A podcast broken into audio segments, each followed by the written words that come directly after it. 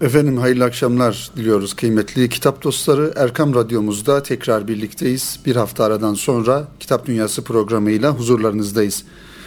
Sevgili dostlar sizler için hazırlamış olduğumuz yine farklı kitaplarla programımıza başlıyoruz. Şöyle önümüzde bulunan kitaplardan sizlere kısaca isimlerini ifade edecek olursak bunlardan birincisi Beşir Ayvazoğlu'nun dergah yayınlarından çıkan ve geçtiğimiz haftalarda e, bahsetmiş olduğumuz bir kitabın e, farklı versiyonu biraz daha genişletilmiş açıklamaları ve notlarıyla beraber hazırlanmış olan Ahmet Hamdi Tanpınar'ın Beş Şehir isimli kitabı. Tabi Beş Şehir e, isimli kitabı geçtiğimiz haftalarda sizlere tanıtmıştık hatırlayacak olan dinleyici, dinleyenlerimiz şüphesiz vardır. Ee, bu kitaba özellik kazandıran durum ise Beşir Ayvazoğlu'nun bu kitabı bir albüm e, şeklinde dergah yayınlarından hem ilave açıklamalar ve hem de Ahmet Hamdi Tanpınar'ın e, anlatmış olduğu o beş şehirle alakalı güzel fotoğraflara yer vermiş olması kitabı bizim için özel kılıyor. Tabii ki dergah yayınlarından çıkan bu kitap Beş Şehir kitabını biraz daha e, farklı açıdan okuma e, noktasında e, bize yardımcı olacak. Bu kitabı bir arkadaşımız verdi. Ayrıca kendisine teşekkür ediyoruz. Beş şehirle alakalı tanıtımlarımızı yaptıktan sonra bu kitabı da sizin dikkatinize sunmuş olmak bizim için elbette ki sevindirici bir durum kıymetli dinleyenlerimiz. Efendim Ahmet Hamdi Tanpınar'ın 25 Eylül 1960 yılında bu kitaba yazmış olduğu bir ön söz kitabı daha da e, güzelleştiriyor.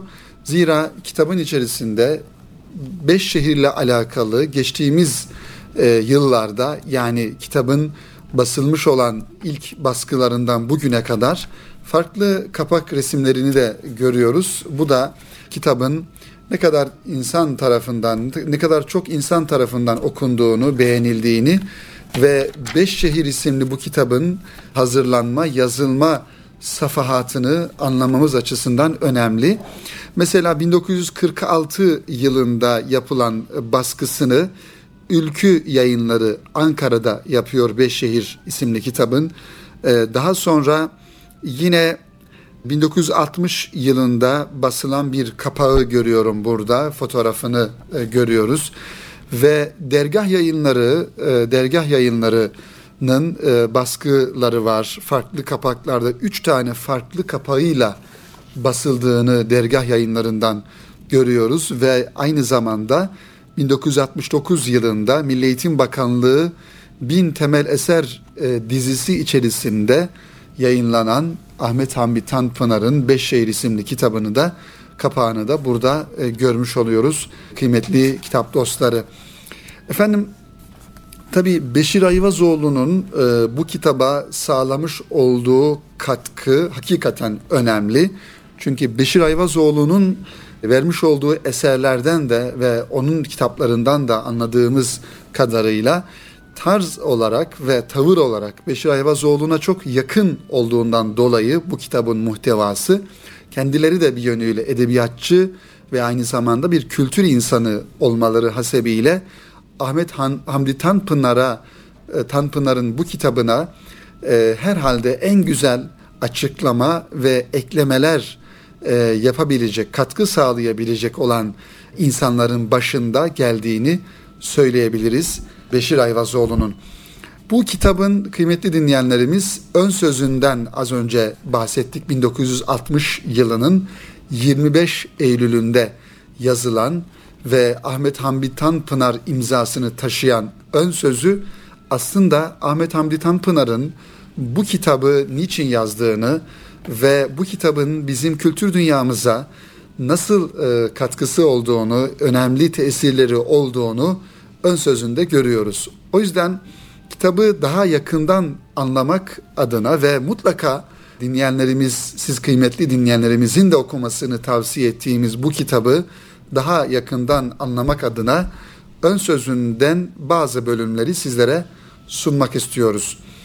Diyor ki Ahmet Hamdi Tanpınar, Beş şehrin asıl konusu hayatımızda kaybolan şeylerin ardından duyulan üzüntü ile yeniye karşı beslenen iştiyaktır. O yıllarda yani bu kitabın yazılmış olduğu 1930'lu 40'lı yıllarda dahi e, Ahmet Hamdi Tanpınar'ın gezmiş olduğu, ziyaret etmiş olduğu şehirlerdeki gözlemlerini, e, intibalarını yazdığı o dönemlerde bile hayatımızdan e, modernite adına kaybolan şeylerin e, üzüntüsünü duyarak e, ve yeniye karşı beslenen duyguları anlattığı bir e, kitap olarak görüyor e, Ahmet Hamdi Tanpınar. İlk bakışta birbiriyle çatışır görünen bu iki duyguyu sevgi kelimesinde birleştirebiliriz. Bu sevginin kendisine çerçeve olarak seçtiği şehirler benim hayatımın tesadüfleridir diyor yazarımız. Bu itibarla onların arkasında kendi insanımızı ve hayatımızı, vatanın manevi çehresi olan kültürümüzü görmek daha doğru olur. Bizden evvelki nesiller gibi bizim neslimizde bu değerlere şimdi medeniyet değişmesi dediğimiz bütün yaşama ümitlerimizin bağlı olduğu uzun ve sarsıcı tecrübenin bizi getirdiği sert dönemeçlerden baktı. 150 senedir hep onun uçurumlarına sarktık. Onun dirseklerinden arkada bıraktığımız yolu ve uzakta zahmetimize gülen vaitli manzarayı seyrettik. Tenkidin bir yığın inkarın, tekrar kabul ve reddin, ümit ve hülyanın ve zaman zaman da gerçek hesabın ikliminde yaşadığımız bu macera daha uzun zaman yani her manasında ver, verimli bir çalışmanın hayatımızı yeniden şekillendireceği güne kadar Türk cemiyetinin hakiki dramı olacaktır. Gideceğimiz yolu hepimiz biliyoruz. Fakat yol uzadıkça ayrıldığımız alem bizi her günden biraz daha meşgul ediyor. Şimdi onu hüviyetimizde gittikçe büyüyen bir boşluk gibi duruyoruz. Biraz sonra bir köşede bırakıvermek için sabırsızlandığımız ağır bir yük oluyor üzerimizde. İrademizin en sağlam olduğu anlarda bile içimizde hiç olmazsa bir sızı ve bazen de bir vicdan azabı gibi konuşuyor.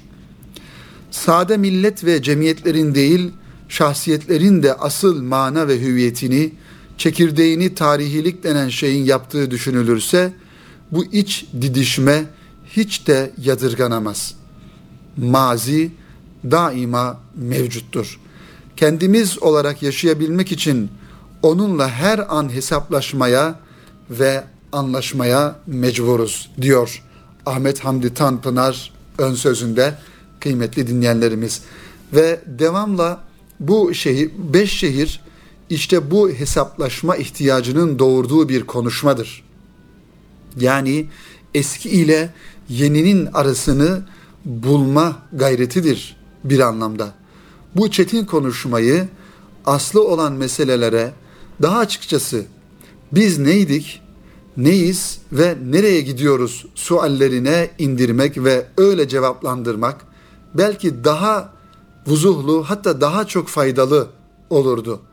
Fakat ben bu meselelere hayatımın arasında rastladım diyor onlar bana Anadolu'yu dolduran Selçuklu eserlerini dolaşırken, Süleymaniye'nin kubbesi altında küçüldüğümü hissederken, Bursa manzaralarında yalnızlığımı avuturken, divanlarımızı dolduran kervan seslerine karışmış su seslerinin gurbetini, İtri'nin, Dede Efendi'nin musikisini dinlerken geldiler. Ve bir hatıratını şöyle anlatıyor Ahmet Hamdi Tanpınar. Hiç unutmam.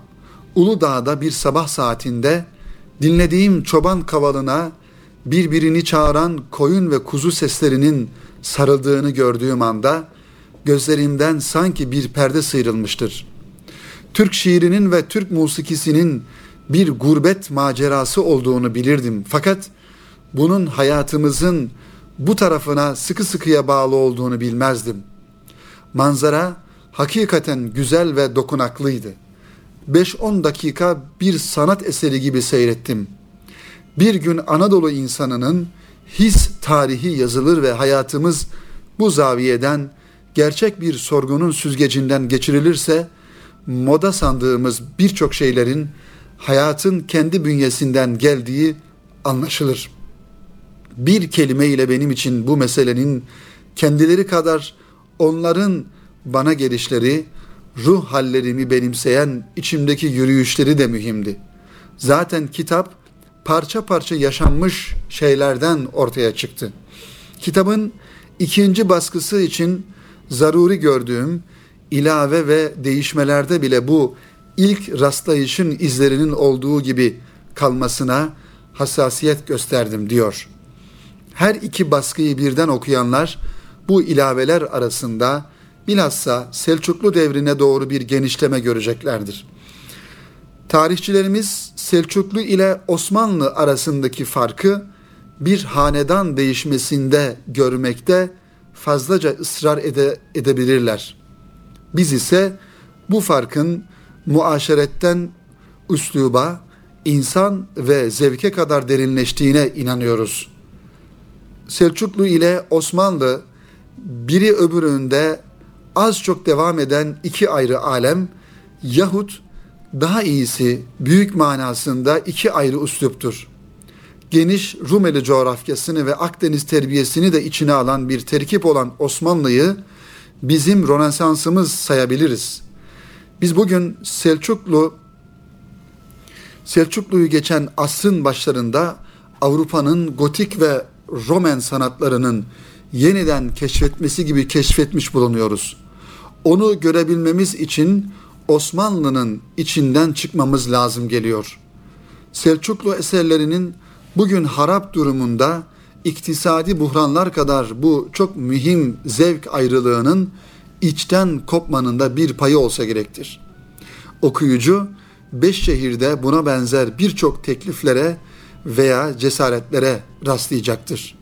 Her düşünen insanımız gibi ben de hayatımızın değişmesi için sabırsızım diyor Ahmet Hamdi Tanpınar. Daima hayranı olduğum yabancı bir romancının hemen hemen aynı şartlar içinde söylediği gibi eski bir garpçıyım. Fakat canlı hayata, yaşayan ve duyan insana cansız madde karşısındaki bir mühendis gibi değil, bir kalp adamı olarak yaklaşmayı isterim. Zaten başka türlüsü de elimden gelmez. Ancak sevdiğimiz şeyler bizimle beraber değişirler ve değiştikleri için de hayatımızın bir zenginliği olarak bizimle beraber yaşarlar diye bu kitabın ön sözüne 1960 yılında ön sözünü bu şekilde kaleme almış. Tabi şunu da anlıyoruz ki kıymetli dinleyenlerimiz kitap Ahmet Hamdi Tanpınar'ın hayatta olduğu yıllarda zaman zaman e, ilavelere, e, yeni notlara e, notlar e, yapmış ve kitabın yeni baskılarında bir takım ilaveler yaptığını da kendisi ifade ediyor. Ancak hiçbir zaman diyor ilk e, baskısında kitabın ilk yazılış şeklinde olan o özgünlüğü kaybetmemesi için elimden gelen, gelen gayreti de gösterdiğini ifade ediyor Ahmet Hamdi Tanpınar. Kıymetli dinleyenlerimiz dergah yayınlarından çıkan bu güzel eser Beş Şehir isimli Ahmet Hamdi Tanpınar'ın bu güzel eserini Beşir Ayvazoğlu'nun çalışmasıyla, hassasiyetiyle ve ilaveleriyle ve içerisinde e, anlatılan şehirlere ait o yılları da ifade eden, o yılları da gösteren fotoğrafların bulunmuş olduğunu da görüyoruz. Bu da kitaba ayrı bir zenginlik kazandırıyor. Belki kitabı okurken bizim hayal dünyamızı e, sınırlandırabilir bu görmüş olduğumuz fotoğraflar. Ancak bir Bursa'yı anlatırken Bursa ile alakalı o yıllara ait fotoğrafları, bir Erzurum'u anlatırken o yıllara ait fotoğrafları da görmek herhalde bizim için kitabı biraz daha cazip kılar diye düşünüyoruz kıymetli dinleyenler ve bu kitabı size şiddetle tavsiye ediyoruz. Ahmet Hamdi Tanpınar'ın Beş Şehir isimli kitabı.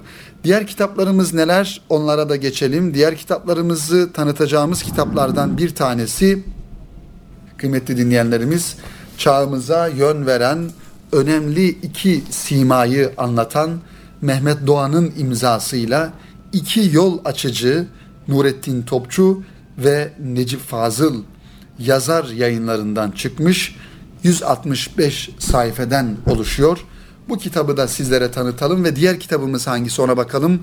O da Nazife Şişman'ın e, hazırlamış olduğu, kaleme almış olduğu bu o, çağın Müslümanı üzerine isimli bir kitap. Nazife Şişman'ın e, kaleme aldığı Dijital Çağda Müslüman Kalmak ismiyle karşımıza çıkıyor bu kitap ve insan yayınlarından neşredilmiş. Onu da inşallah sizlere takdim edeceğiz ve e, zamanımız e, kalırsa yine iz yayıncılıktan çıkan Ebu Talip el-Mekki'nin bir klasik eseri, önemli bir tasavvuf klasiği olan Kut'ul Kulub ismiyle bildiğimiz ve Kalplerin Azı ismiyle de yayınlanan bu kitaba da kısa bir göz atacağız hep birlikte e, kıymetli dinleyenlerimiz. Şimdi e, bu kitaplardan e, Mehmet Doğan'ın kitabına geçelim efendim. Efendim Mehmet Doğan ismi de önemli bir e, isim. E, hem edebiyat açısından Türkiye'deki edebi eserlerle ilgili ve e, düşünce dünyamızla ilgili önemli çalışmalar yapan bir isim Mehmet Doğan ve en bilinen eserlerinden bir tanesi de Türkçe sözlük e, ve bu Türkçe sözlükte birçok yerde birçok alanda hakikaten önemli bir e, boşluğu dolduruyor. Bu açıdan Nurettin Topçu'yu ve Necip Fazıl'ı e, böyle bir kalemin anlatmış olması e, bizim açımızdan da sevindirici bir durum. Bu kitap yazar yayınlarından çıkan bir kitap kıymetli dinleyenlerimiz. E, Mehmet Doğan'ın Necip Fazıl'ı ve Üstad Nurettin Topçu'yu anlattığı iki yol açıcı sıfatını verdiği iki yol açıcı hakikaten son dönemlerde özellikle bu insanların kıymeti değeri daha da çok anlaşılıyor. Necip Fazıl'ın mefkuresi ve Necip Fazıl'ın etkilemiş olduğu nesillerin, neslin, Nurettin Topçu'nun etkilemiş olduğu onun kitaplarıyla veya onların kitaplarıyla düşünce dünyasını öğren bir e, neslin e, bugünlerde Türkiye'mizde önemli işler e, yaptığını da görüyoruz. Evet bu kitabımızla alakalı şunları söyleyebiliriz kıymetli dinleyenler. Siyasi düşünce olarak ortak, mizaç olarak iki farklı uç olan Nurettin Topçu ve Necip Fazıl Kısakürek iki yol açıcı adlı eserde detaylı şekilde ele alınıyor. Mehmet Doğan imzalı kitap Fransa'da eğitim görüp eve dönen iki isim sayesinde bir manada yakın tarihi mezede ışık tutuyor. Rabia Tevfik Başokçu'nun 1942 yılında yayımlanan Avrupa'da 20 senem nasıl geçti adlı hatıratına bir hayat tecrübesi başlıklı ve çok anlamlı bir sunuş yazan Yakup Kadri 2. Abdülhamit devrinde Avrupa'nın zehir çanağı şehirlerine kaçan bazı yetişkin ve seçkin kimselerin bu memlekette vali olacağına git Avrupa'da kundura boyacılığı et daha iyi dediklerini söyler. Hali vakti yerinde olan pek çok memur, kelam ve kalem sahibi sanatçının popüler fikirlere kapılarak gurbet yollarını boyladıklarını yana yakıla anlatan Yakup Kadri, Avrupa'yı ilim ve edebiyat kitaplarından öğrenen Safterun ve Türk idealistlerinin Paris, Berlin, Londra ve İsviçre'yi hürriyet, saadet ve fazilet ülkesi zannettiklerini ancak bu hülyalarından hala uyanamadıklarından şöyle bahsediyor. Bunların hiçbiri o medeniyet diyarlarında kendi alın terleriyle yaşayabilme imkanını bulamadılar. Ya kara bir sefalet içinde eriyip gittiler yahut kendi memleketlerinde kendi hısım ve akrabalarının elinden damlayan küçücük yardımlarla yarı aç, yarı tok bir ömre katlandılar. Hiçbir tanesine tek bir Avrupalının kundurasını boyamak müyesser olmadı diyor Yakup Kadri Karaosmanoğlu. Rabia Tevfik Başokçu'nun yazmış olduğu kitabı değerlendirirken 2. Abdülhamit döneminde Avrupa'ya giden e, sözde aydın insanların durumunu anlatırken Türkiye'de seçkin bir çevreye sahipken Avrupa'da sıradan bir hayat yaşamaya çalışan pek çok aydın ne yazık ki Yakup Kadri'nin de isabetli tespitiyle kaybolup gitmişlerdir. Ancak bu aydın kafilesinin içinde Avrupa'nın zehrini görüp evine yani memleketine dönenler de yok değildir. Başta Yahya Kemal olmak üzere Necip Fazıl, Nurettin Topçu gibi aydınlar Avrupa'nın aydınlık ve karanlık iklimini gören şanslı, talihli insanlarından bazıları. Sorbonne Üniversitesi'nde felsefe okuyup doktora yaparak ülkesine dönen ve Avrupa görmüş bazı yetişkin ve seçkin kimselerin aksine kendi ülkesini ve insanının hor insanını hor görmeyen Nurettin Topçu Yarınki Türkiye isimli eserinde bize şöyle diyordu. Anadolu'nun Kurtuluş Savaşı ruh cephesinde henüz yapılmadı. Asya'nın ilk çağından arta kalan sefaletin sefaletine varis çocukları bu topraklarda kurdukları devletin ruhuna sahip olamadılar. Henüz yerlerde sürünen Türk İslam ruhunun ruhunu tutup da kaldıracak olan irade hayatımızdan davacı oluncaya kadar bu toprağın insanı eşyadan farksız bir varlıktır. Değersizdir, itibarsızdır, hürmet görmez.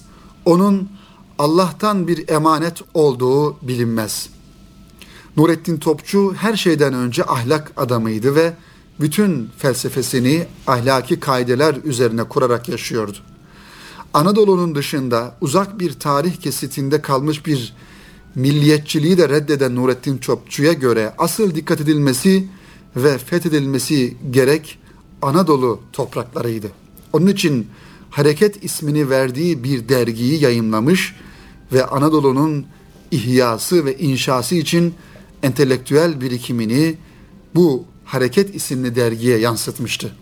Nurettin Topçu hiç şüphesiz Avrupa'dan bir pozitivist olarak değil, idealist bir felsefeci olarak Türkiye'ye dönmüş bir ahlak adamı, yarınki Türkiye'nin manevi mimarlarından birisiydi. Bir dönem Paris kaldırımlarını arşınlayan Necip Fazıl Kısakürek'te Paris'in yani Avrupa'nın zehrini yutmuş ancak bu hülyadan çok erken uyanarak ülkesine dönmüş entelektüel ve aydınlarımızdan bir tanesiydi. Necip Fazıl korkunç zekasının ve coşkun mizacının etkisiyle yalan söyleyen tarihe isyan ediyor, çıkmaza giren kalabalıklara bu yol çıkmaz sokak diye haykırıyordu adeta. Kaldırımlar şairini şiirden fikre yani aksiyona sevk eden asıl itici unsur Türkiye'nin yön değiştirmesi ve ruh kökünden uzaklaşmasıydı. Nurettin Topçu ve Necip Fazıl'ın ortak özelliklerinden biri hiç şüphesiz Türk ve İslam ülküsüydü. Bu dava hiç şüphesiz onların müşterek davaları arasında yer alıyordu. Bu uğurda farklı isimlerde dergiler çıkarmışlar ve yayın hayatları boyunca kalabalıklara bir manada meşale olmuşlardı. Mehmet Doğan yakın tarihimizin teşekkülünde önemli rol oynamış iki büyük ismi, iki yol açıcı Nurettin Topçu ve Necip Fazıl isimli kitabında inceliyor. Bu önemli kitaptaki müstakil yazılar hem Nurettin Topçu'nun hem de Necip Fazıl'ın ortak ve farklı yönlerini çok güzel bir şekilde değerlendiriyor ve ortaya koyuyor. İslamcı olmayan İslamcı tırnak içinde Nurettin Topçu'nun hareketi isyan ahlakçısını itaate zorlamak gibi dikkat çekici başlıklarla Nurettin Topçu'nun entelektüel cephesini değerlendiren Mehmet Doğan, surda gedik açan şair, şiirden fikre, fikirden aksiyona Necip Fazıl başlıklı yazılarıyla da farklı bir Necip Fazıl portresi sunuyor. Tarz, tavır ve mizaç bakımından birbirinden hayli farklı olan Necip Fazıl ve Nurettin Topçu'nun çeşitli cephelerini kendine has üslubuyla sunan Mehmet Doğan'a göre Necip Fazıl'ın kitlelere daha fazla ulaşan tesiri Nurettin Topçu'nun derinden seyreden fikirlerinin neredeyse görmezden gelinmesine yol açmıştı. Mehmet Doğan'ın şu tespitlerine katılmamak mümkün değil. Şöyle diyor Mehmet Doğan. Batı'da eğitimini tamamlamış bir düşünür olarak Nurettin Topçu, Türkiye'nin yakın tarihinde Batı tarzı eğitimden geçmiş aydın Müslüman tipinin oluşumunda dikkatten kaçan önemli bir rol oynamıştır.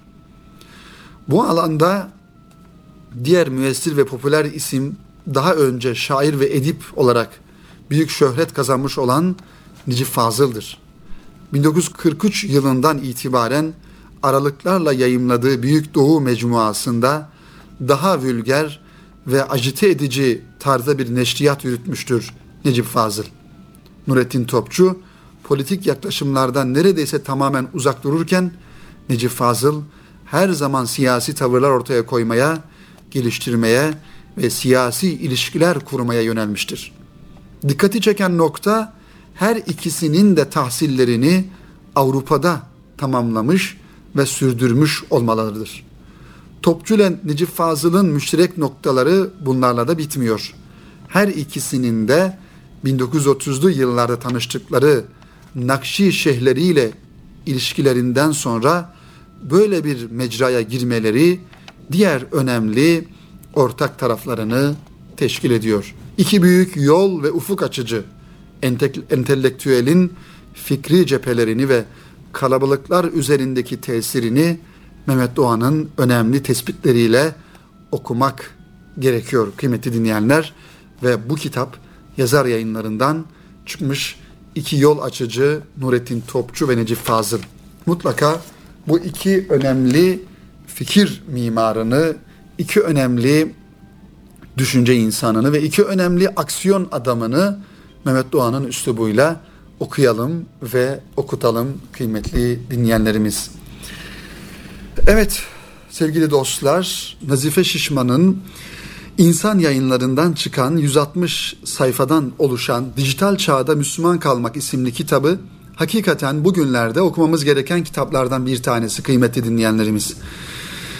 Özellikle dijital çağ dediğimizde aklımıza gelen gerek dijital e, imkanlar gerekse bu dijital hayatın bize sunmuş olduğu e, kolaylık olarak görünürde kolaylık olarak gördüğümüz bir takım unsurlar ve hayatımızın hızla değişiyor olması veya öyle zannetmemiz ortasında kalan ve hiçbir zaman değişmeyen, değişmeyecek olan, tarihte de değişmemiş olan insan unsuru.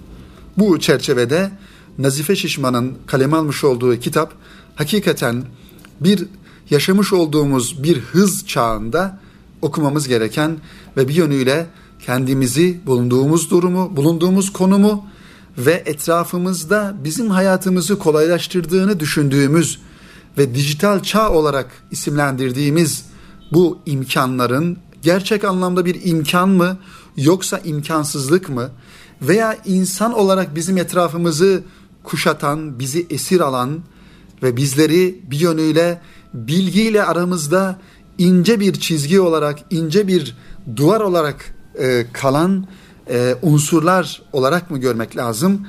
Bunların cevaplarını herhalde bu kitabı okuduğumuzda biraz bulmuş oluruz kıymetli dinleyenler.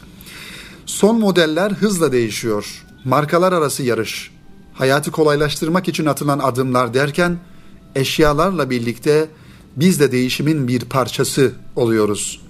İşte Nazife Şişman Dijital Çağda Müslüman Kalmak adlı kitabında farklı açılardan İslam kalmanın nasıl olması gerektiğinin cevabını bu kitapta bizlere sunmaya çalışıyor. Modern dönemin en önemli özelliklerinden biri hiç şüphesiz hız. Dünyanın fiziksel olarak devri alemi saatlerle ifade edilirken sanal devri alem artık saniyelerle ölçülecek kadar kısa bir zaman dilimine sığabiliyor. Hız ve değişim modern insanın ufkunu belirleyen iki pusula. Hız ve değişim. İlk çağlardan beri filozofların değişimi vurgulamak üzere kullandıkları metafor bir nehirde iki kere yıkanılmayacağı. Ama değişimin ve yeninin bizatihi kutsanması modern dönemin bir özelliği. Burada değişimin neticesi veya hızın neticesi, hızın üzerimizde veya hayatımızda oluşturmuş olduğu netice değil, modern hayatta bizatihi hızın kendisi ve değişimin kendisi kutsanıyor. Bir taraftan böyle bir hız ve değişim var, diğer taraftan değişmeyen bir insanlık durumunu tecrübe ediyoruz. Tarih bize pek çok şey değişse de insanın yer, yeryüzündeki asli konumunun değişmediği bilgisini veriyor. Bu sebeple hızın ve değişimin hakimiyeti altındaki anı bu bakış açısından tefekkür etmeye ihtiyacımız var.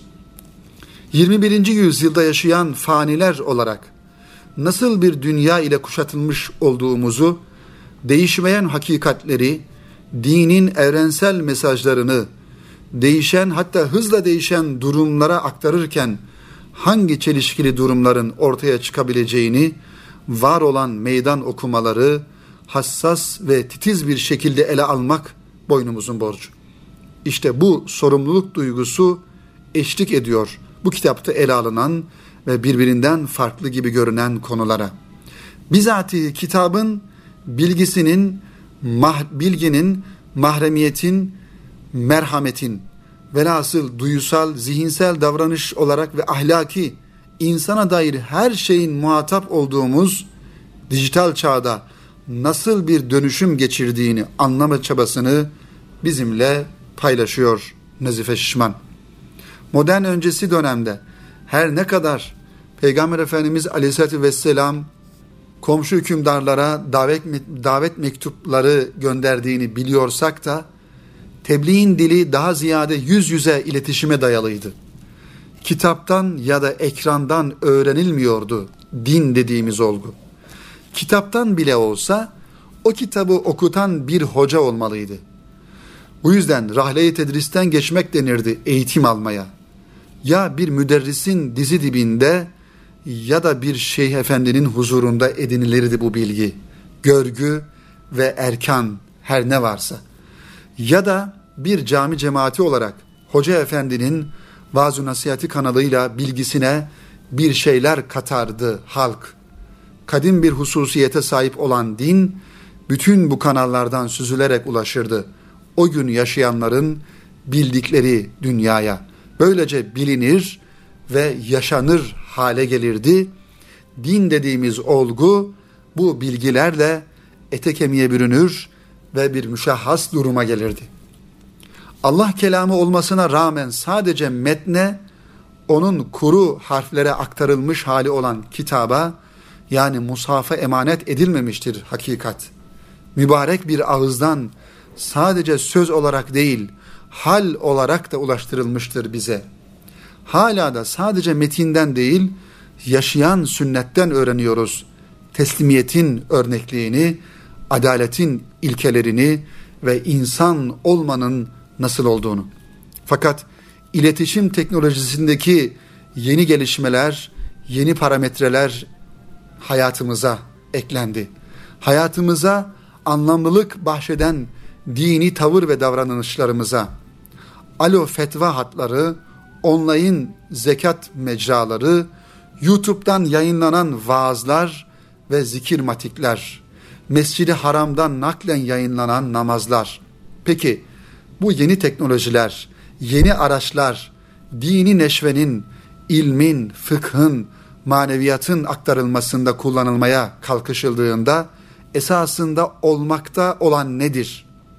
Bu soru pek sorulan bir soru değil maalesef. Halbuki 1970'li yıllarda imam mikrofon kullandığında arkadaki cemaat sesi o araç vasıtasıyla duyduğundan acaba namazı kabul olur mu soruları gündeme gelirdi. Bazıları İstanbul kuşatılırken meleklerin kanatlarını tartışan papazların papazlarına kıyasla değerlendirebilir bu soruları. Halbuki teknoloji ve dil, teknoloji ve kültür meselesini sorgulamaya kapı aralandığından böyle bir soru çok anlamlı hale geliyor. Teknoloji ile kültür arasında çok ciddi bir irtibat olduğunu da biliyoruz.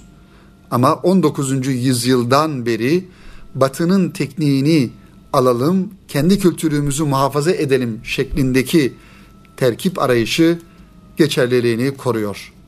Atalarımızın yanıldığı nokta böyle bir seçme yaparken bir alanda değişimi hedefleyip diğerini donmuş olarak muhafaza edebilecekleri zannıydı.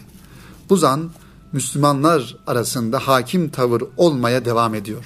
Belki bu yüzden YouTube'da anonim bir muhatap kitlesine vaaz nasihatler edebilir miyim sorusu ne teknoloji kültür ilişkisine ne de kadim suret siret meselesine işaret eden bir düzlemde algılanmıyor. Halbuki YouTube'da söz konusu olan boşluğa konuşmanın bir kameraya karşı anonim bir izleyici kitlesine karşı konuşmanın kişinin kendini ifade edişini nasıl etkilediği üzerine yapılan incelemeler var. Çünkü teknososyoloji ciddi bir çalışma alanı olarak artık karşımızda.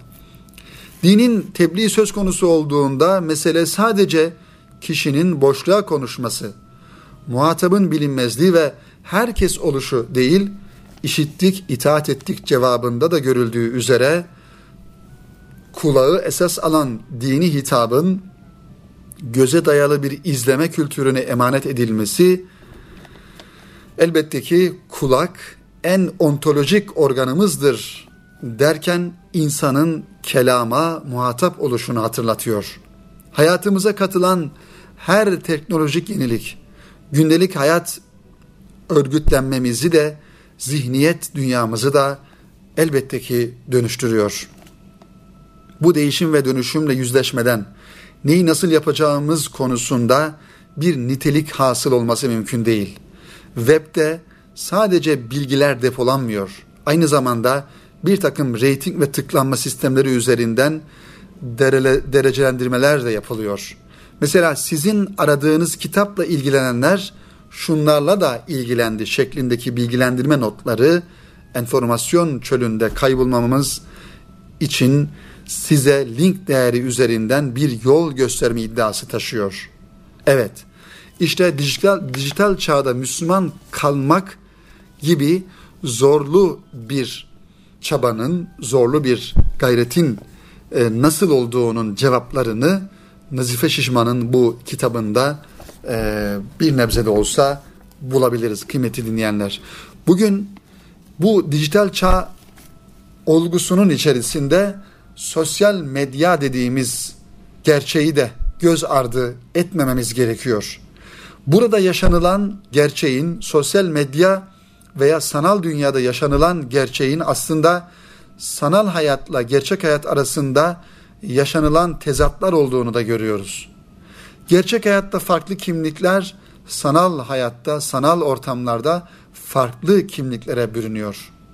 Onun için bu ortamlarda bir dini söylem, dini tebliğ anlayışı ve dini tebliğ anlayış gayreti de nasıl mecrasını bulacak ve nasıl bir faydaya dönüşecek onu da tartışmak gerekiyor. Ancak görünen şu ki sanal medyanın kurucuları ve akıl hocaları bu ortaya koyan akıl bize ait bir akıl olmadığından dolayı bu oyunun kurucuları, oyunun kurallarını koyan insanlar da bizim değerlerimize göre bu oyunu kurmuyorlar. Onun için Twitter, Facebook ve diğer sosyal medya araçları aracılığı ile yapmış olduğumuz halis bir şekilde tebliğ olarak düşündüğümüz e, her paylaşım, her mesaj aslında yanlış kuralı konulmuş bir oyunun içerisinde bizim bireysel olarak yapmış olduğumuz saf ve iyi niyetli yaklaşımlardır. Ama gelin görün ki piramidin üst tarafına baktığımızda bu oyunun kurucuları farklı ve bizim yapmış olduğumuz o iyi niyetli paylaşımlar acaba ne kadar doğru neticeye ulaşıyor o da bizim için bir meçhul. Onun için dijital çağda Müslüman kalmanın nasıl olduğunu ve bu sorunun cevabını bir nebze de olsa arayan, o cevabı bulmaya çalışan Nazife Şişman'ın bu kitabını da ben sizlere Kitap Dünyası programı aracılığıyla e, ifade etmeye çalıştım kıymetli dinleyenlerimiz. Efendim, Kitap Dünyası programının burada sonuna gelmiş bulunuyoruz. Birinci bölümümüz biraz fazla oldu dakika olarak. ikinci bölümümüz o yüzden biraz daha kısa sürmüş oldu. İnşallah önümüzdeki hafta yeni kitaplarımızla ve tanıtma ya zaman e, zamanımız olmayan Ebu Talip el-Mekki'nin önemli bir kitabı olan Kut'ul Kulub isimli kitabını da önümüzdeki haftaki programda sizlere tanıtmaya, anlatmaya çalışacağız. Bizden bu haftalık bu kadar. Önümüzdeki hafta yeni bir kitap dünyası ile buluşmak ümidiyle hepinizi Rabbimize emanet ediyor. Hepinize hayırlı günler diliyoruz efendim.